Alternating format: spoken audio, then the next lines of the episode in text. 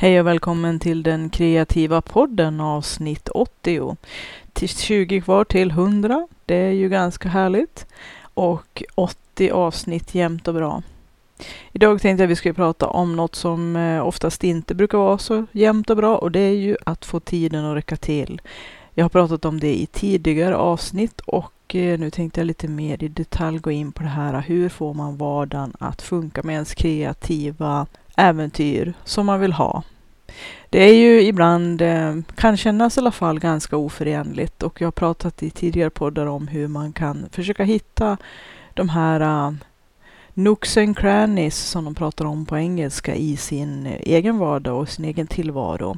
Att det gäller att eh, hitta metoder för att kunna skapa on the fly, det vill säga löpande och på språnget och inte hänga upp sig på att man måste ha så perfekta omständigheter. För att eh, jag tror att vi är ganska många som hela tiden tänker att nej, men jag ska fixa den här kreativa grejen som jag vill jobba med när jag har och så kommer det massa saker efter det. När jag har slutat det här jobbet eller fått ett bättre jobb. När det är lite lugnare på helgerna. Eller när jag får semester. Eller när jag, ja, fyll i vad som passar för dig. Det är ju lite olika vad vi har som olika, kanske svepskäl som vi gömmer oss bakom. Och ibland kan det vara naturligtvis saker som vi upplever som hinder i vår tillvaro.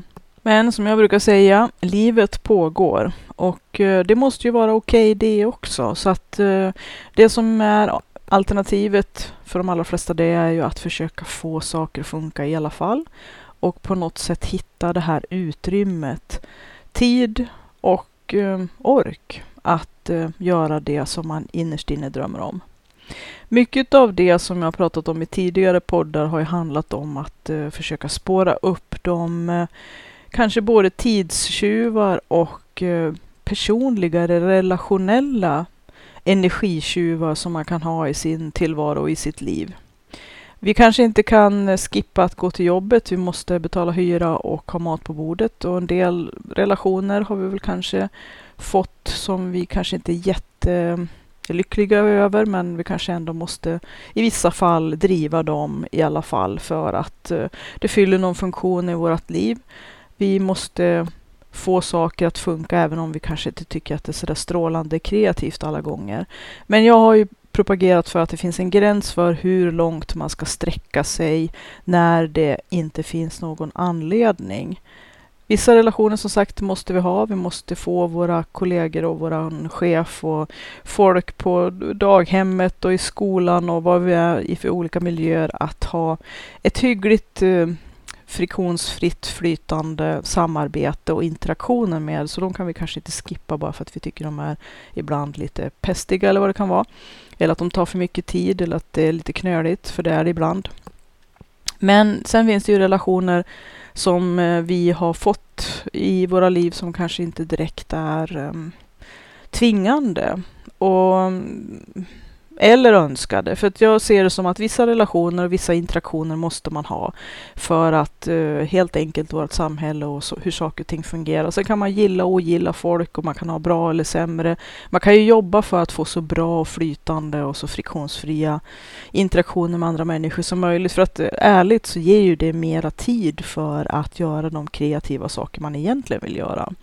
Istället för att hålla på och jiddra med en massa saker som oftast inte brukar leda till någonting positivt. Så att eh, om man känner själv att man kanske hamnar i facket av att vilja obstruera väldigt mycket eller ha, skapa konflikter där det kanske inte finns anledning att ha konflikter, då kan det vara läge att eh, se över det och kapa bort de både tidsmässigt och energimässigt dränerande sakerna i, i sitt liv som kanske är helt onödiga. Alla måste naturligtvis välja utifrån sin egen fason, men jag har många gånger märkt att eh, vissa grejer är inte värt att lägga energi eller tid på. vissa personer som man kanske, man kan reta sig på en del människor, men det är inte heller värt tiden och energin som det skäl ifall att man låter sig dras in i det oftast ganska bottenlösa träsk som det kan vara.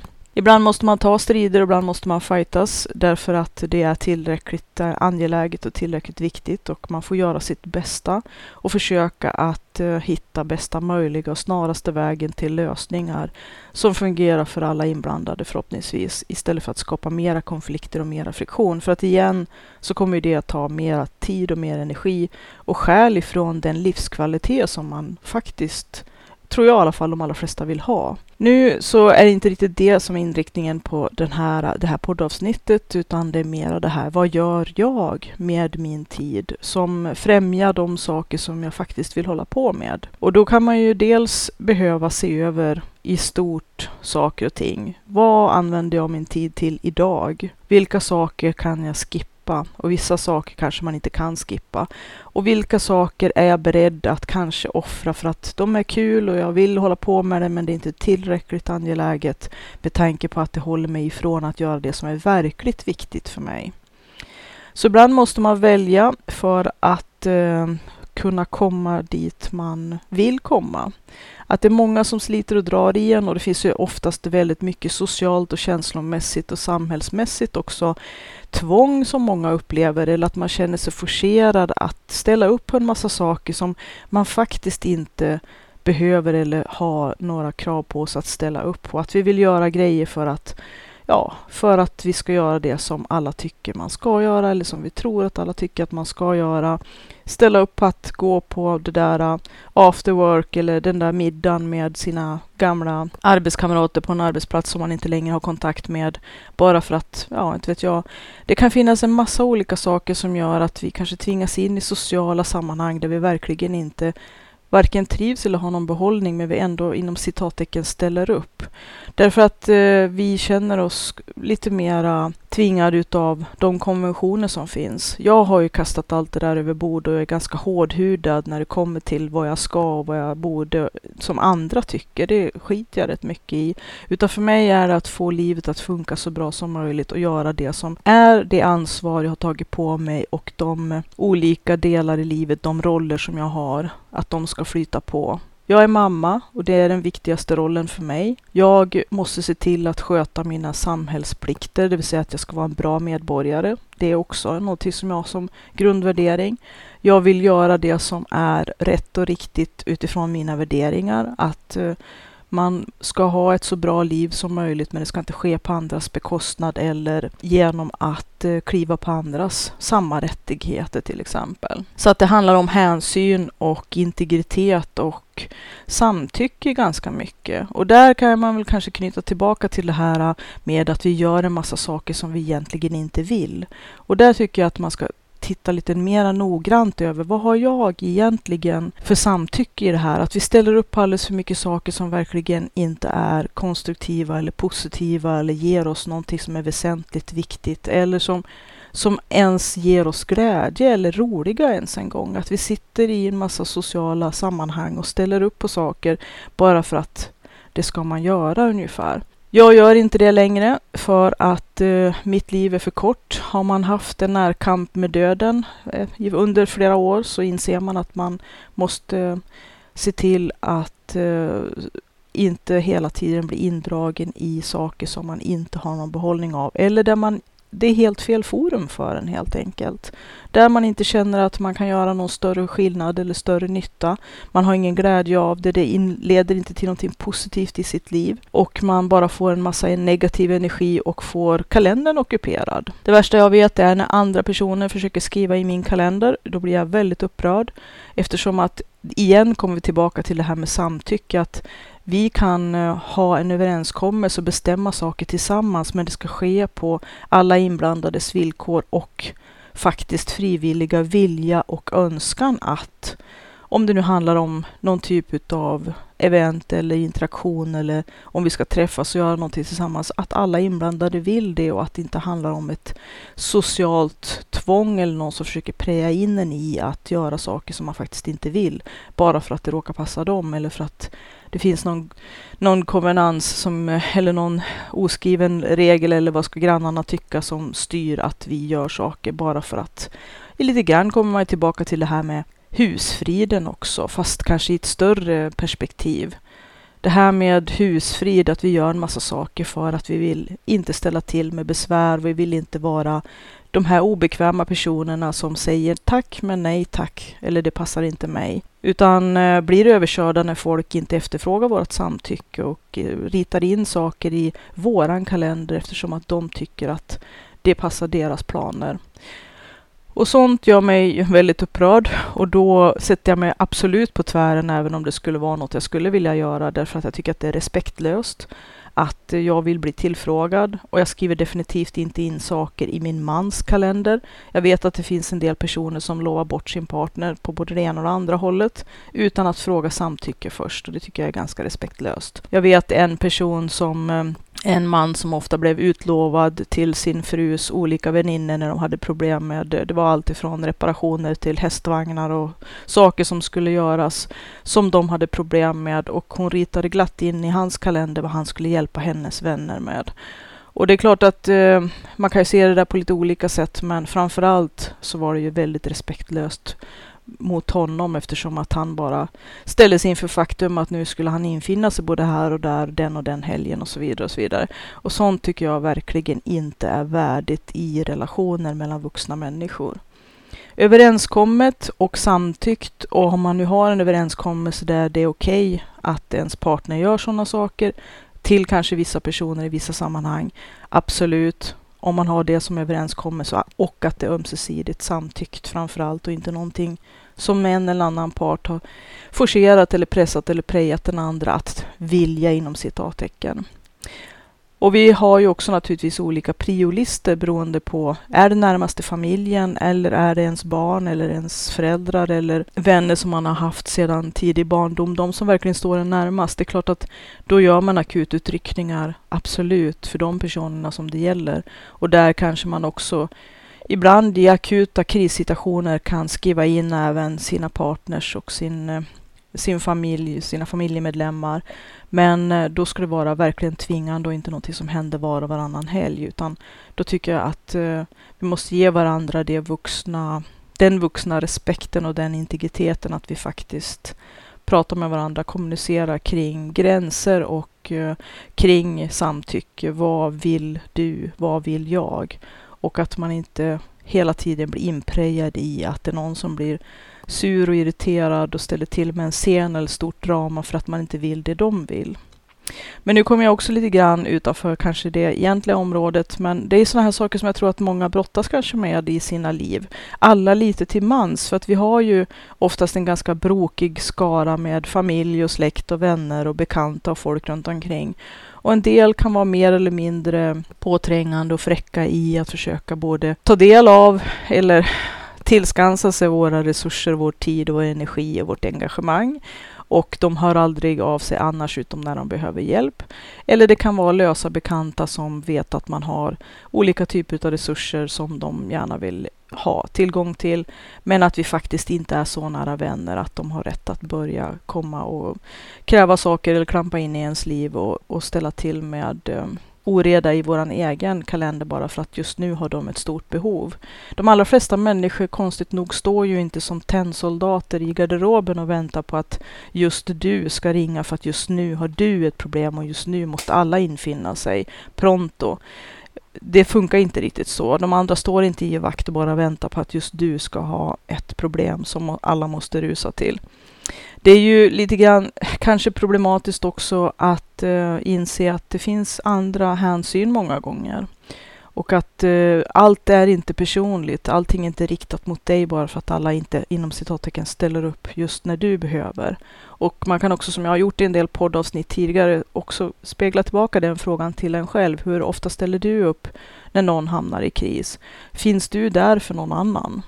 Nu är det ju så att man kan inte finnas där för alla och eh, alla kan inte finnas där för en själv. Och då får man också kanske ha sina vuxna glasögon på sig även där och förstå att andra har sina liv och sina olika saker som gör att det är rätt så, det är ganska så eh, tjockt inskrivet i kalendern och tiden och orken är begränsad.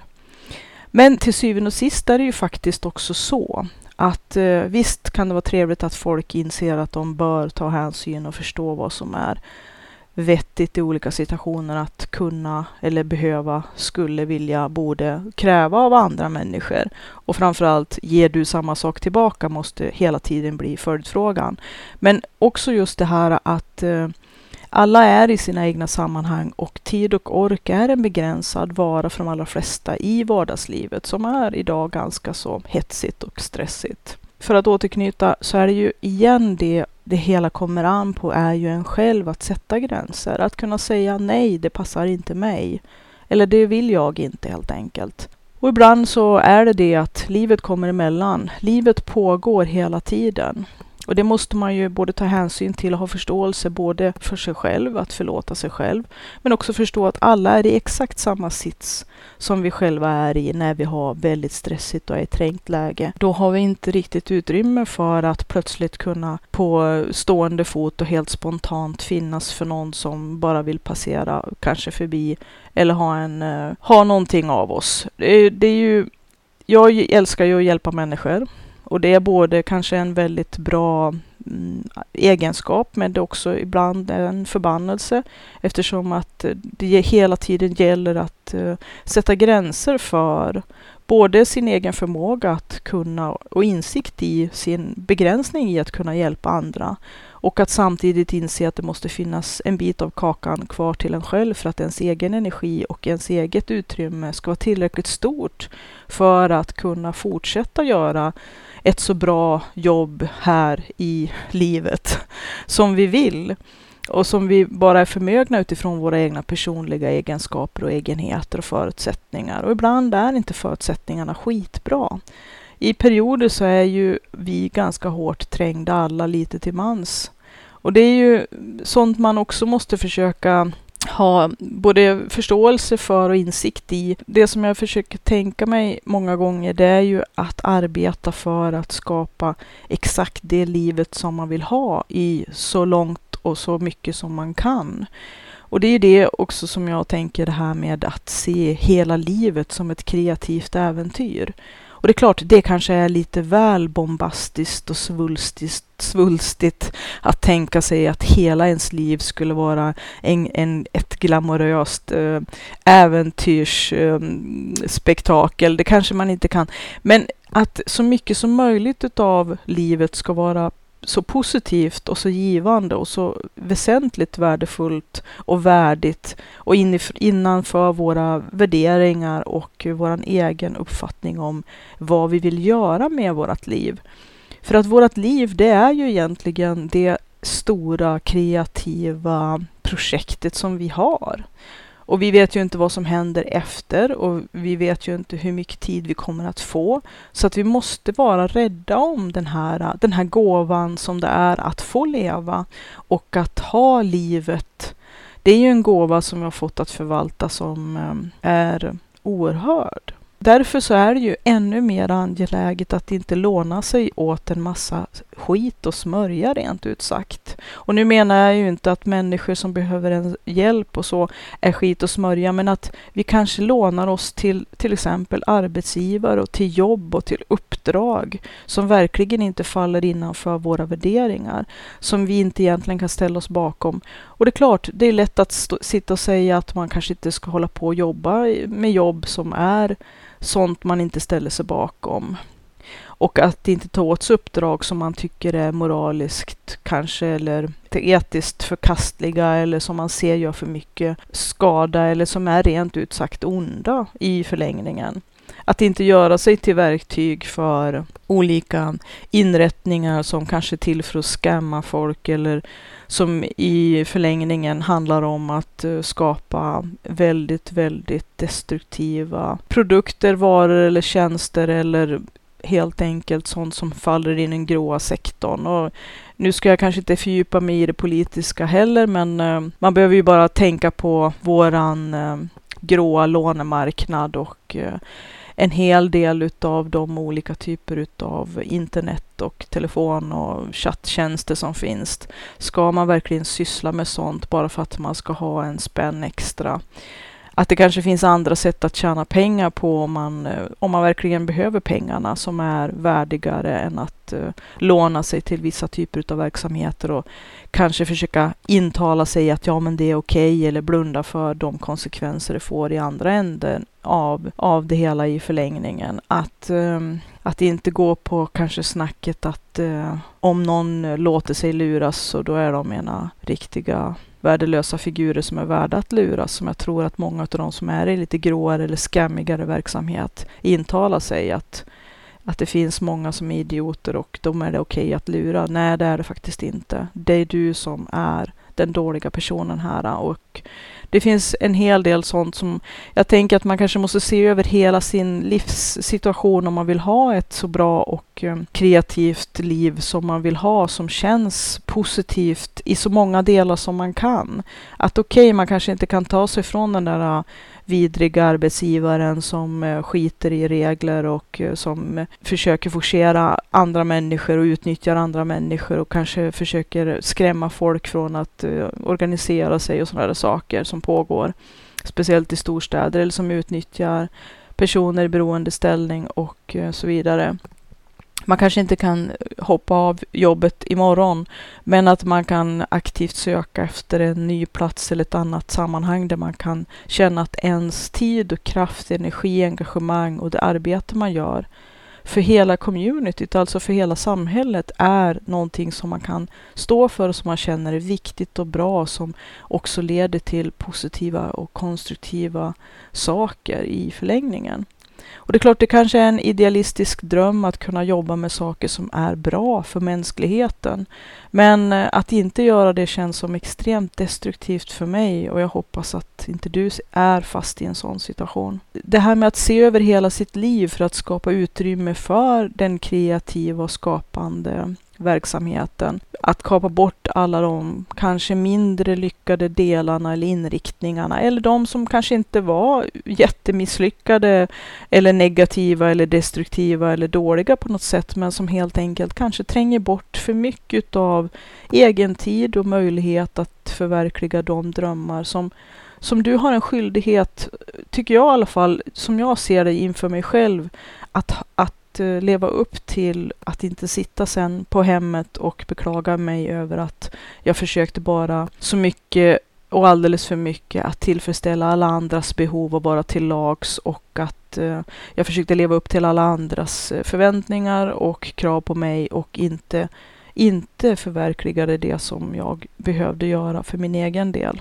Jag tror att det, det, är viktigt att skärskåda sig själv och sitt liv och hur man använder sin tid. Och jag pratade ju om i tidigare avsnitt det här med att eh, ungefär som en kassabok. Tycker man att tiden är för kort, att energin är för låg, att man har för dåligt utrymme, då måste man skapa det utrymmet. Och det är ungefär som med, att föra en kassabok för att kolla vad tar pengarna vägen? Hur mycket pengar har jag?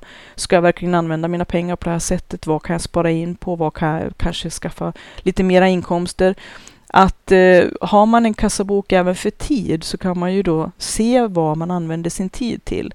Jag tror att vi väldigt lätt bara kanske tultar på i vårt liv och tycker att åh, vi är så stressade, vi har så lite tid och vi hinner ingenting och vi hinner absolut inte genomföra eller förverkliga våra drömmar och våra kreativa projekt och det här som vi faktiskt så väldigt, väldigt innerligt vill. Men att vi också lite grann är lurade av oss själva och utav vardagens grå malande, att vi drunknar lite grann i bruset och att vi kanske måste försöka se lite mer klarare vad det hela handlar om. Och då tror jag att en kassabok för tid kan vara jättebra. Och jag pratar ju om det i några av de tidiga avsnitten av podden. I det här avsnittet tänkte jag prata lite mera i detalj. Första steget är ju som i den podden att eh, kartlägga sin tid. Att eh, det beror på hur lång tid man behöver, hur ens liv är uppbyggt. En del har ju ett väldigt rutinmässigt liv så det kanske bara behövs en vecka för att kartlägga exakt hur man använder sin tid över, ja, att det är cykliskt och att eh, den här den här återkommande veckan, den kommer att rulla på vecka för vecka för vecka. Så man behöver bara se en vecka så ser man, då har man hela spelplanen framför sig. För andra, som mig till exempel, så är det nog lite mera splittrat. Så jag skulle nog behöva föra en kassabok lite längre tid, två veckor eller kanske till och med en månad eller lite längre tid ändå beroende på. Nu finns det ju en del appar man kan använda för att göra det här jobbet, att eh, både kartlägga sin tid och att eh, även kanske ha olika olika sätt att Eh, skriva vad man gjorde och hur man mådde och sådär. Det kan ju vara, det finns ju lite olika appar också som man kan se hur mådde jag när jag gjorde det här och vilken tid på dygnet var det? Och det är väl lite grann det jag tänkte jag skulle ringa in mig lite grann på i det här avsnittet. Inte apparna som så, de får du utforska själv om du känner att du behöver det. I sitt grundutförande behöver man bara ha en eh, papperslapp eller kanske en liten anteckningsbok i bröstfickan eller i plånboken eller i väskan för att, eh, och en penna så att man kan hela tiden man kan ju ställa sin telefon på larm kanske en gång i timmen eller vad man nu tycker. Eller att man löpande skriver in varje aktivitet som man genomför. Och eh, om man vill så kan man ju lägga till informationen hur man mådde när man gjorde det också. Vad man hade för energinivå. För att det kommer att kunna användas lite längre fram som jag ska berätta om. Men i alla fall att kartlägga sin tid, vad man använder den till, hur mycket och hur länge, hur man mådde, vilka energinivåer, och för att skapa en klarare syn över bruset för att se hur använder jag min tid egentligen. Där kan man ju också vara ganska ärlig, hoppas jag, och skriva om man nu blev intvingad eller påtvingad eller medtvingad eller vad man nu ska kalla det. Eller kanske var för för vek eller för um, konflikträdd för att säga nej till saker som man faktiskt inte hade någon behållning av. Eller när man satt och satt av tid. Det värsta jag vet är när jag sitter och sitter av tid på möten som är värdelösa, som jag faktiskt inte egentligen ens ska vara med på för att det tillför varken mig eller mötet någonting. Eller när man kanske är intvingad i sociala sammanhang där man känner att okej, okay, här är jag bara med för att vara artig. Och eh, jag har inte råd att eh, vara artig mot folk som jag inte egentligen är investerad i eller som är investerade i mig. För det här går ju båda åt båda hållen alltså. Så att, eh, att kanske också skriva en liten KVS bredvid varje aktivitet och varje tidsangivelse när man för den här kassaboken hur man mådde kanske. Glad gubbe, ledsen gubbe, neutral gubbe. Det behöver inte vara så komplicerat. Eller också kanske om man vill skriva, kanske göra en stapel hur hög eller låg energinivå man har vid den tiden på dygnet eller när den aktiviteten genomförs. Eller beroende på omständigheter.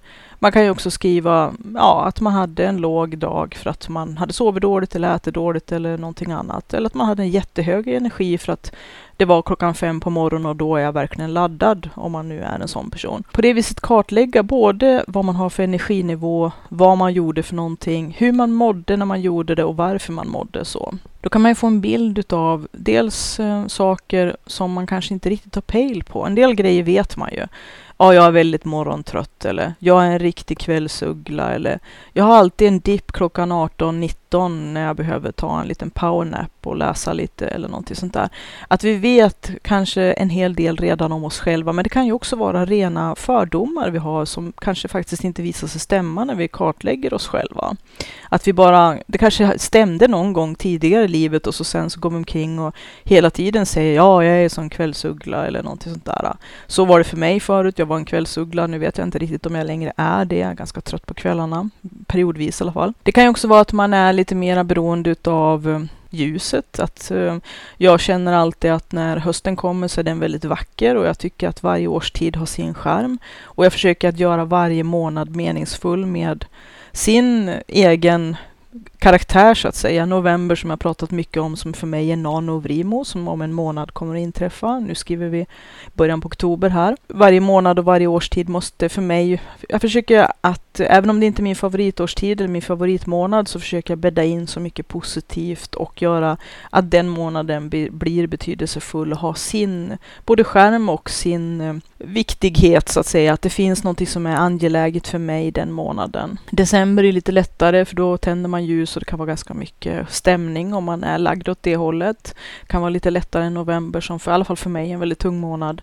Men det kan ju också vara det att man kan skriva vad man är för typ utav, om man är väldigt trött på morgnarna eller väldigt trött på kvällarna eller har en dipp någonstans mitt på dagen eller på kvällen sådär. Jag har en dipp när klockan är ungefär vid 18 snåret så brukar jag behöva lägga mig en stund och läsa en serietidning för att ladda om, ladda kanonerna och omgruppera lite grann. Det är en ganska enkel metod som funkar för mig. Det kan ju vara också att som sagt man är mer beroende av ljuset, att man känner att man kanske har eh, årstidsbaserade mm, lågare eller lägre perioder, kanske depressioner. Det kan ju vara om man har vårdepression eller höstdepression, att det finns en ganska stor andel människor som har ganska betydande, vad ska man säga, påverkan utav hur mycket dagsljus man får och att man måste hitta sätt att kanske eh, komma runt det så mycket som det går.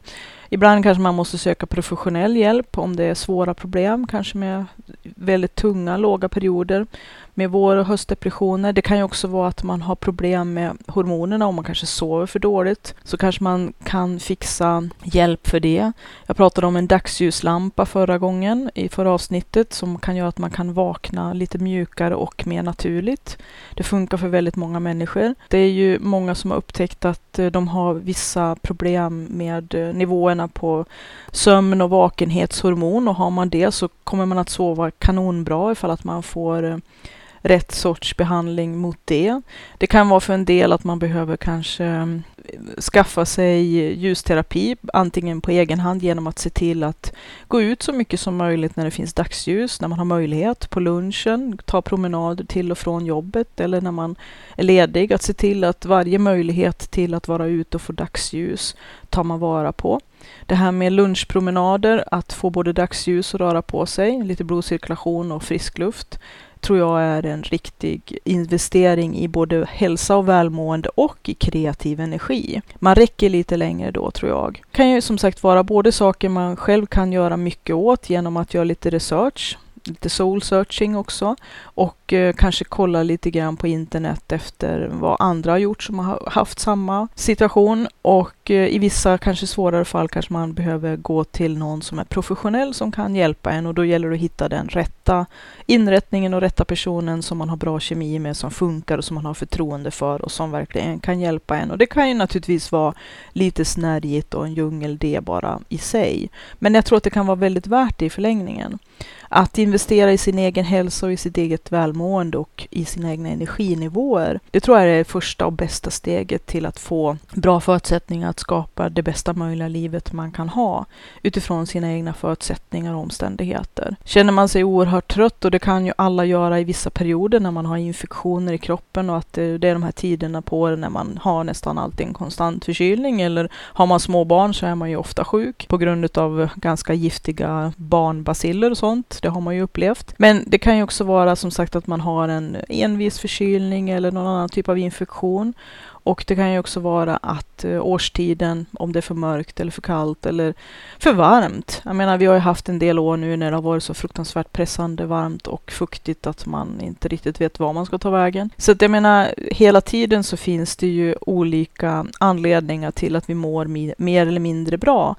Det vi inte kan påverka är naturligtvis vad det är för tid på året och vad det är för väder, men mycket annat kan vi påverka och det är ju naturligtvis se till att få så bra sömn som vi bara kan försöka lösa de problem som vi kanske eventuellt har med våran sömn, att äta så bra som möjligt, att röra på oss så mycket som möjligt, att omge oss med människor som gör oss pigga och glada och positiva och som vi själva känner att vi har ett bra utbyte med och där vi själva också bidrar positivt till deras liv. Igen, det här med speglingen. Vad gör de för mig? Vad gör jag för dem?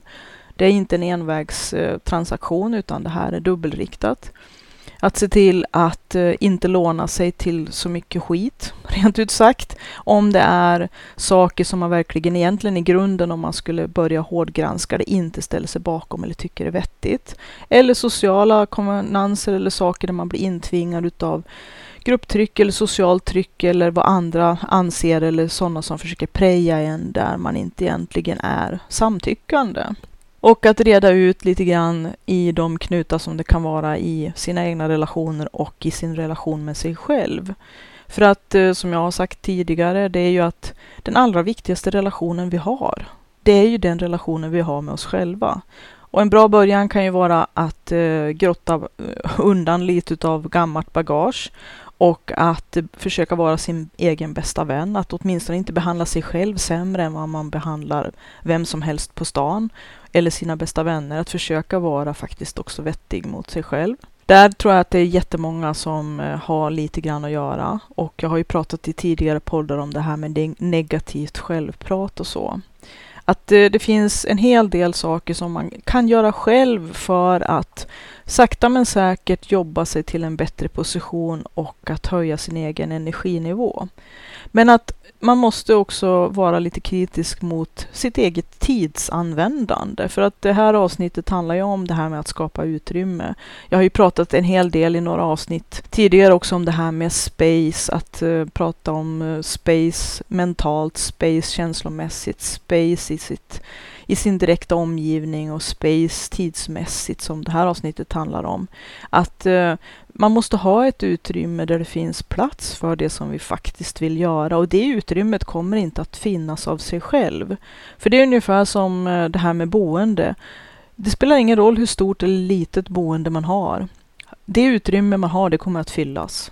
Det är ungefär som en hårddisk. Det finns bara två lägen på en hårddisk. Antingen är den ny eller så är den full. Och så är det lite grann med ens bostad också. Det spelar ingen roll om man har en liten etta som i en skokartong eller om man har en eh, trea med eh, sju dubbelgarderober som jag hade för, förut med stort kök och grejer. Det var smäckfullt. Så det utrymme vi har, det fyller vi.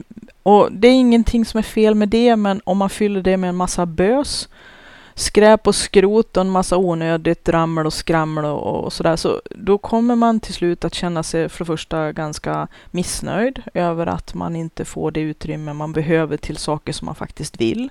Att eh, man hela tiden är stressad utav att hela tiden leva i den här eh, oredan och att hela tiden brottas med en massa saker som är i vägen för det som man faktiskt vill. Och att hela tiden känna sig, tror jag i alla fall, om jag ska prata ur personlig eh, upplevelse, kvävd och svettig, stressad och allmänt illamående. Så då måste man ju ta lite krafttag ibland med det här och inte bara sitta och beklaga sig över att tiden inte räcker till och utrymmet inte räcker till, att man inte har energin, att man inte mår så bra och allt vad det kan vara för någonting. Kolla lite kritiskt hur man använder sin tid och de som är de stora tidstjuvarna som jag har pratat och rantat om tidigare, det är ju det här med sociala plattformar och saker som vi sitter och trycker den här skärmen mot ansiktet hela tiden istället för att vara faktiskt ute i livet och göra någonting på riktigt. Nu är jag lite hård här. Ibland blir jag ju sån. Lite bombastisk. Men jag tror att eh, det kan vara bra att ibland ifrågasätta och kritisera sig själv, inte på det negativa och nedbrytande och att slå sig själv ner i skoskafterna, utan mera ställa sig själv frågan, vill jag det här? Vill jag ha det så här? Är det här bra? Är det här funktionellt? Leder det till det som jag vill och eh, ger det mig det som jag vill? Är det här positivt för mig? Och eh, inte gömma sig bakom kanske en massa svepskäl och undanflykter och saker som vi ibland tar till när vi inte vill att våran favoritsnuttefilt ska tas ifrån oss. Ta inte bort min mobil, liksom. Det är många som blir helt hysteriska om man säger åt dem att de kanske blir tvingade att stänga av den en kort stund.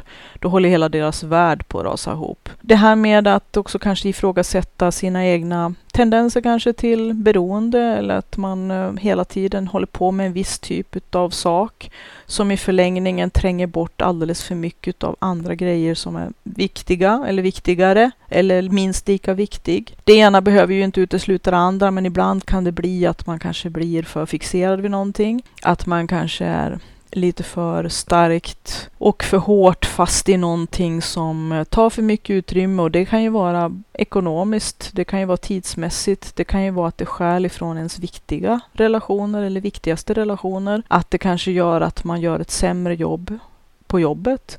Att man kanske inte är sitt bästa jag hela tiden och att det är väldigt lätt då att gömma sig bakom ursäkter för att man inte egentligen vill dela med eller ta tur med vad som egentligen är grundproblemet. Jag är inte mycket för att ljuga för mig själv och eh, jag kanske inte riktigt heller köper allt som andra vill ljuga mig full med när de kommer till mig och ber om hjälp. Jag försöker vara diplomatisk. Jag försöker också att hitta konstruktiva sätt och nya sätt att spegla grejer när folk har problem som de kommer till mig om. Det är ju så här att eh, jag ger inte folk råd om de inte har bett om dem. Jag försöker undvika det och eh, många kommer till mig med olika typer av problem som kan röra allt ifrån kärlekslivet till det mera kanske konkreta kring eh, arbete och eh, ja, praktiska saker. Jag är ju en problemlösare och varit hela mitt liv och eh, många upplever mig som en ganska så stark och trygg klippa. Den tysta, starka typen. Även om att jag faktiskt också har mina egna problem ska flika in, vilket många av dem kanske inte riktigt alla gånger ser. Men att eh, när de kommer till mig så är det väldigt många som har en massa ja men, ja men, ja men som argument eller motargument när jag försöker spegla saker som har du tänkt på det här och det här kanske inte är så konstruktivt, det här kanske inte funkar, du kanske måste tänka på ett annat sätt. Nu har du gjort så här hela tiden och det har gett samma resultat. Det kanske är dags att tänka i nya banor, att du måste testa en annan metod och sådana här saker. Eller att försöka vinkla den här spegeln för att få dem att se nya aspekter utav saker som kanske när man är fastkörd i ett spår är väldigt lätt att bara se samma sak i den här spegeln hela tiden. Och lite som man ropar får man svar och hela den balletten. Men att det är ju väldigt, väldigt lätt att vi vill inte riktigt konfronteras med det som vi tycker är tufft eller det som är jobbigt eller som kanske är grunden till en hel del av våra problem eller roten till det onda, utan vi håller på att fiffla lite med symptomen och försöker hitta snuttefiltar för att det ändå ska bli bra eller kännas bättre och sådär. Men att grundproblemet ändå är kvar därför att vi känner det som att nej, det vill vi inte ge oss på. Men ibland måste man kanske med lite berått mod bita ihop och eh, köra ner huvudet mellan axlarna och så sen göra en tjurrusning rätt igenom och jobba sig igenom en del saker. Tror kan vara väldigt upplysande, det är att skriva en en kassabok över hur man förvaltar sitt liv, sin tid helt enkelt. Jag tänker längre fram prata mera i detalj om förlängningen av det här med att idag handlar det bara om att kartlägga sig själv och sitt liv och se, sysslar jag med det som jag verkligen vill? Är det här det som jag ska hålla på med? Vad vill jag göra istället? Vilka alternativ har jag? Vad finns det för options? Hur kan jag göra istället? De här delarna kanske är helt onödiga eller tar för mycket plats. Jag vill göra lite omkonstruktioner här i mitt eget liv och sätta sig vid sitt eget ritbord och ta ut nya kurser och rita fram ett nytt eget, kanske verksamhetsprogram eller kanske en ny attackplan helt enkelt. Man kanske ibland måste ha en attackplan för att punkta upp saker som det här måste jag ta itu med om jag ska komma dit jag vill. Det är bara hårda fakta. I förlängningen så kan det vara att man eh, inte bara har kartlagt sig själv och sin tid och fått lite koll på läget, ser lite olika mönster och att saker kanske utkristalliserar sig lite tydligare så att man kan ta, ta, ta tag i de verkliga kanske problemen. Inte bara de här äh, symptomen och, och greppa snuttefiltarna när man känner att det är lite motigt och sådär. Utan se saker för vad de verkligen är och ibland kanske man måste komma till slutsatser och en del grejer, insikter som är smärtsamma. Och det har jag gjort i mitt eget liv också. Vänner som kanske inte var riktiga vänner. Eller saker som man hade hoppats mycket mer på men som visade sig inte vara rätt väg eller ge det man hade hoppats på. Att man har varit i fel sammanhang, att vissa saker inte är rätt forum för det man hoppas. Att man kanske har valt fel partners eller fel, fel vänner eller fel inriktning eller saker. Just det här med att som min man säger, som jag tycker är så himla klokt och som har fått mig att tänka om en hel del gånger, det är att inte låta ens historia bestämma ens framtid. För jag tror att det är väldigt lätt att köra fast i att man har investerat så himla mycket i någonting. Det kan vara att man har, man har slitit med sitt jobb och hela tiden hoppats på en ljusning och tänkt att någon gång, bara det här projektet blir klart, eller bara nästa år, eller bara en ny organisation, bara det och det händer, då kommer det här att lösa sig och jag kommer att få revansch eller de kommer att förstå vad jag har gjort eller få bekräftelse för massa saker eller upprättelse. Men ofta kommer det inte att hända och jag har ju pratat en hel del om tidigare poddar också om det här med att vi kan köra fast i vår egen uppfattning eller föreställning utav den värld vi lever i och hur andra uppfattar det som de kanske inte ens vet om det vi tror att de kanske har samma synvinkel eller förstår allting ur samma på samma sätt som vi gör och sen kan det visa sig att de inte ens har lagt märke till eller vet om det eller att det var ingen stor grej för dem. Eller saker som var en liten skitgrej för oss kanske var skitstort för dem. Att ibland är det svårt att, att ha insikt i vad andra människor, hur deras liv ser ut och vad de kommer utifrån för aspekt. Att vi alla har vår egen bakgrund och eh, vår egen storyline. Det är väldigt viktigt att kanske emellanåt i livet sätta sig ner med sig själv och resonera. Och det kan vara ganska tuffa samtal i alla fall, så har det varit så för mig ibland. När man måste sätta kanske en, en gräns för hur mycket en viss sak får ta. Eller kanske dra ett streck i sanden och eh, hitta en ny inriktning. Att nej, jag har varit på den här linjen och tagit ut den här kursen. Men nu är den inte rätt för mig eller den gav inte det jag hoppades. Och nu så måste jag hitta en ny kurs och och eh, fara i någon annan riktning än den som jag har haft förut. Och det kan vara smärtsamt, speciellt om man kanske måste omvärdera både sig själv, sina värderingar och de inriktningar och de kurser man har tagit ut tidigare. Men livet är en resa och det innebär att det inte bara är en mellan punkt A till punkt B och vid punkt B så dör vi det är inte riktigt så, utan ibland kan ju vägen vara ganska så snirklig och gå i zigzag och hit och dit. Och ibland måste man ta ett steg tillbaka och det blir en hel del krabbgång. Och sen måste man kolla upp lite grann ur, ur buskarna att det är väldigt lätt att tappa liksom överblicken när man är i vegetationen för att se oj då, nu har jag kommit på avvägar, det här är inte den kursen jag vill ha. Och sådär. Men att börja med en kassabok och föra lite bok över hur man disponerar sin tid, det utrymme man har, de resurser man har, sig själv och sina energinivåer. Och nästa avsnitt så ska vi prata lite mer om vad man kan dra för eh, nytta utav det här.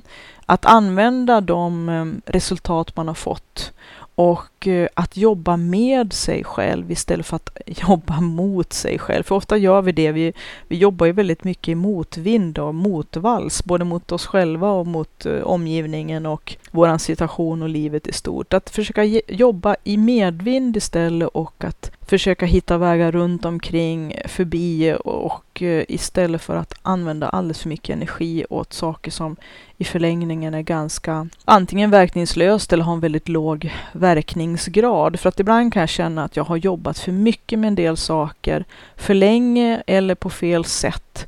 Jag har liksom investerat och gjutit så mycket energi och tid och engagemang i en del saker som sen visar sig ha varit eh, det som man säger på engelska, a wild goose chase. Att man har, man har sprungit i cirklar och faktiskt inte kommit dit man hade hoppats. Och det är en del av livet. Det är bara att säga, jaha, det var ju som det var. Men det gör ju att det kanske är smart att så fort som möjligt kanske när man inser att man är ute i ogjort väder, att lägga om kurs, kursen helt enkelt. Inte vara för stolt eller vara för kanske hårdnackad eller styvnackad eller för rättshaveristisk eller ha svårt att kunna släppa släppa fixeringen vid att man på något vis ändå ska vinna eller få revansch. För ibland så kommer man kunna plöja in hur mycket tid, energi och hjärteblod i någonting och aldrig komma i mål. Och att kanske ibland måste man inse, jag är inte en person som ger upp lätt, det ska man ha klart för sig. Så jag är inte en förespråkare för att hoppa från blomma till blomma. Och de som har lyssnat på den här podden, de vet nog det nu. Men att eh, ibland måste man se att ett slag är tappat, att eh, att ge tappt eller kanske ge upp eller tillåta sig att släppa taget. Göra sig själv fri från saker som man alldeles för länge har varit antingen för hårt fixerad vid, alldeles för starkt obsessat över, varit helt kanske fast i någon, något spår som bara har blivit djupare och djupare och naturligtvis ju djupare blir ju svårare att liksom sätta en gräns och bryta och säga nej, nu är det nog nu ska jag ur det här spåret, eh, nu har jag nött det här för länge och det har inte lett till någonting. Jag måste ändra stil, jag måste ta ut en ny kurs, släppa det här och bygga det livet jag vill ha inom de här områdena. Ofta är det ju inte att hela livet är åt helvete, utan det kan vara en viss eh, väg vi har valt i något visst sammanhang. Det kan ju röra relationer, det kan ju röra yrkesval, det kan ju röra vår verksamhet. Det kan ju vara mindre och större saker, stora och svåra och det kan vara lättare grejer och kanske ibland kanske sånt som jag har ju en tendens att kunna eh, nörda fast på att jag vill göra saker på ett visst sätt. Att det kan vara vettigt att ibland kunna släppa och hitta nya sätt att göra saker på, även om att det kanske tar emot för att man känner att ja, men det här kan jag ju, det behärskar jag ju och så här har jag alltid gjort och det här är ju det rätta sättet, tycker jag att vi kan ha en viss fördom kring att försöka prova nya grepp ibland. Det är jag själv skyldig till en del gånger, att jag har svårt att släppa saker som jag känner att ja, men det är så här jag vill göra det. Även om jag kanske till och med vet att det kan finnas andra sätt som är minst lika bra. Men att eh, ibland måste vi kanske ta och skaka om oss själva och eh, inse att eh, vi kommer bli skitbesvikna om vi om ett tag inser att vi hela tiden har varit inne på fel linje. Ibland kan jag ju bli skitsur på mig själv att, men herregud, nu när jag hittat det här sättet som var så himla mycket bättre, då känner jag mig ju faktiskt lite dum inför mig själv och lite korkad för att jag var så stark motståndare till att prova någonting nytt. Och så nu när jag har kommit på det här så känner jag, men herregud, varför har inte jag gjort det här för jättelänge sedan? Vad mycket tid och energi och möda jag skulle ha sparat mig själv och mycket bättre resultat jag skulle ha fått. Å andra sidan så kan man inte igen hålla på och slå på sig själv för en utveckling och en förbättring är fortfarande en utveckling och en förbättring. Och om man då är lite sen i starten eller att man är lite för konservativ eller eller kanske lite för mycket utav motståndare mot allt som känns nytt och obekvämt eller mm, svårt bara för att man liksom vill fortsätta i sina gamla invanda spår och, och sådana saker. Att eh, det är klart man, man värjer sig inför som man kanske upplever som ehm, mentala hinder eller ehm, tvära inlärningskurvor eller när man måste utanför sin comfort zone. Det är skitjobbigt, jag vet. Men att när man väl ändå har gjort det så kanske man inte ska slå på sig själv för att man inte gjorde det tidigare utan glädjas åt att nej men titta, nu har jag faktiskt hittat ett jättebra sätt och vad glad jag är att jag har hittat hit till slut i alla fall.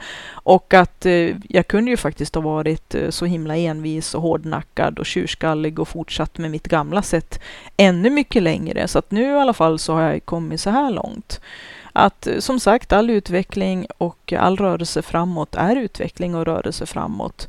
Även om att jag försöker hela tiden för att bli snabbare och snabbare i att ändra kurs när jag märker att något inte funkar.